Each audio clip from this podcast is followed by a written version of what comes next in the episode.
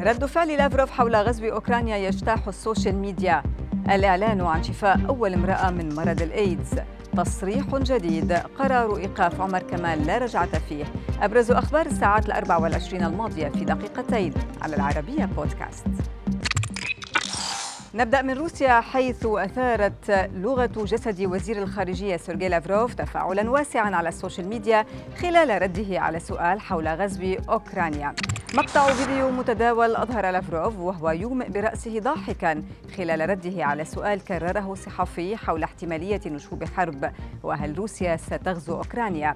ليدفع الوزير جميع الموجودين في المؤتمر الصحفي للضحك خصوصا بعدما قال معلقا على سؤال المراسل ما هذا الصحفي غير الذكي?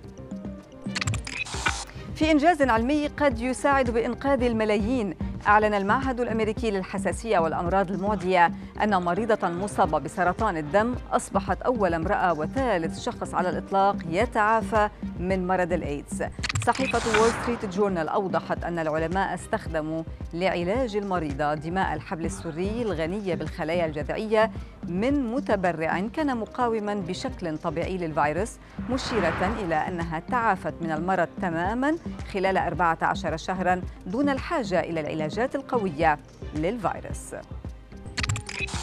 إلى مصر الآن حيث أكدت نقابة الموسيقيين أن قرارها بوقف مؤدي المهرجانات عمر كمال عن الغناء وإحالته للتحقيق أنه قرار لا رجع فيه. هذه التصريحات نقلتها وسائل إعلام محلية عن السكرتير العام للنقابة أحمد رمضان والذي قال إن النقيب هاني شاكر لا يجب أن يكون مادة للكلام بهذا الشكل وذلك تعليقا على بث مباشر ظهر فيه عمر كمال وهاجم خلاله شاكر قبل يومين.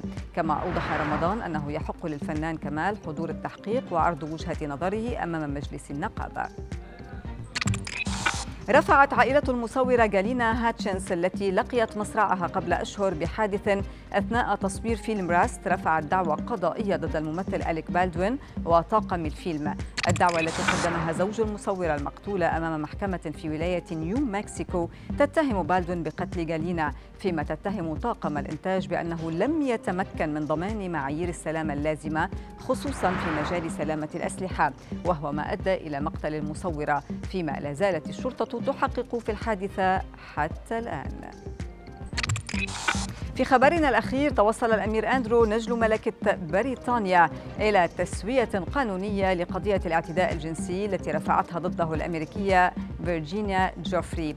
ووسائل إعلام نقلت عن محامي جوفري قوله أن التوصل إلى التسوية تم خارج المحكمة من دون تحديد القيمة المالية للاتفاق.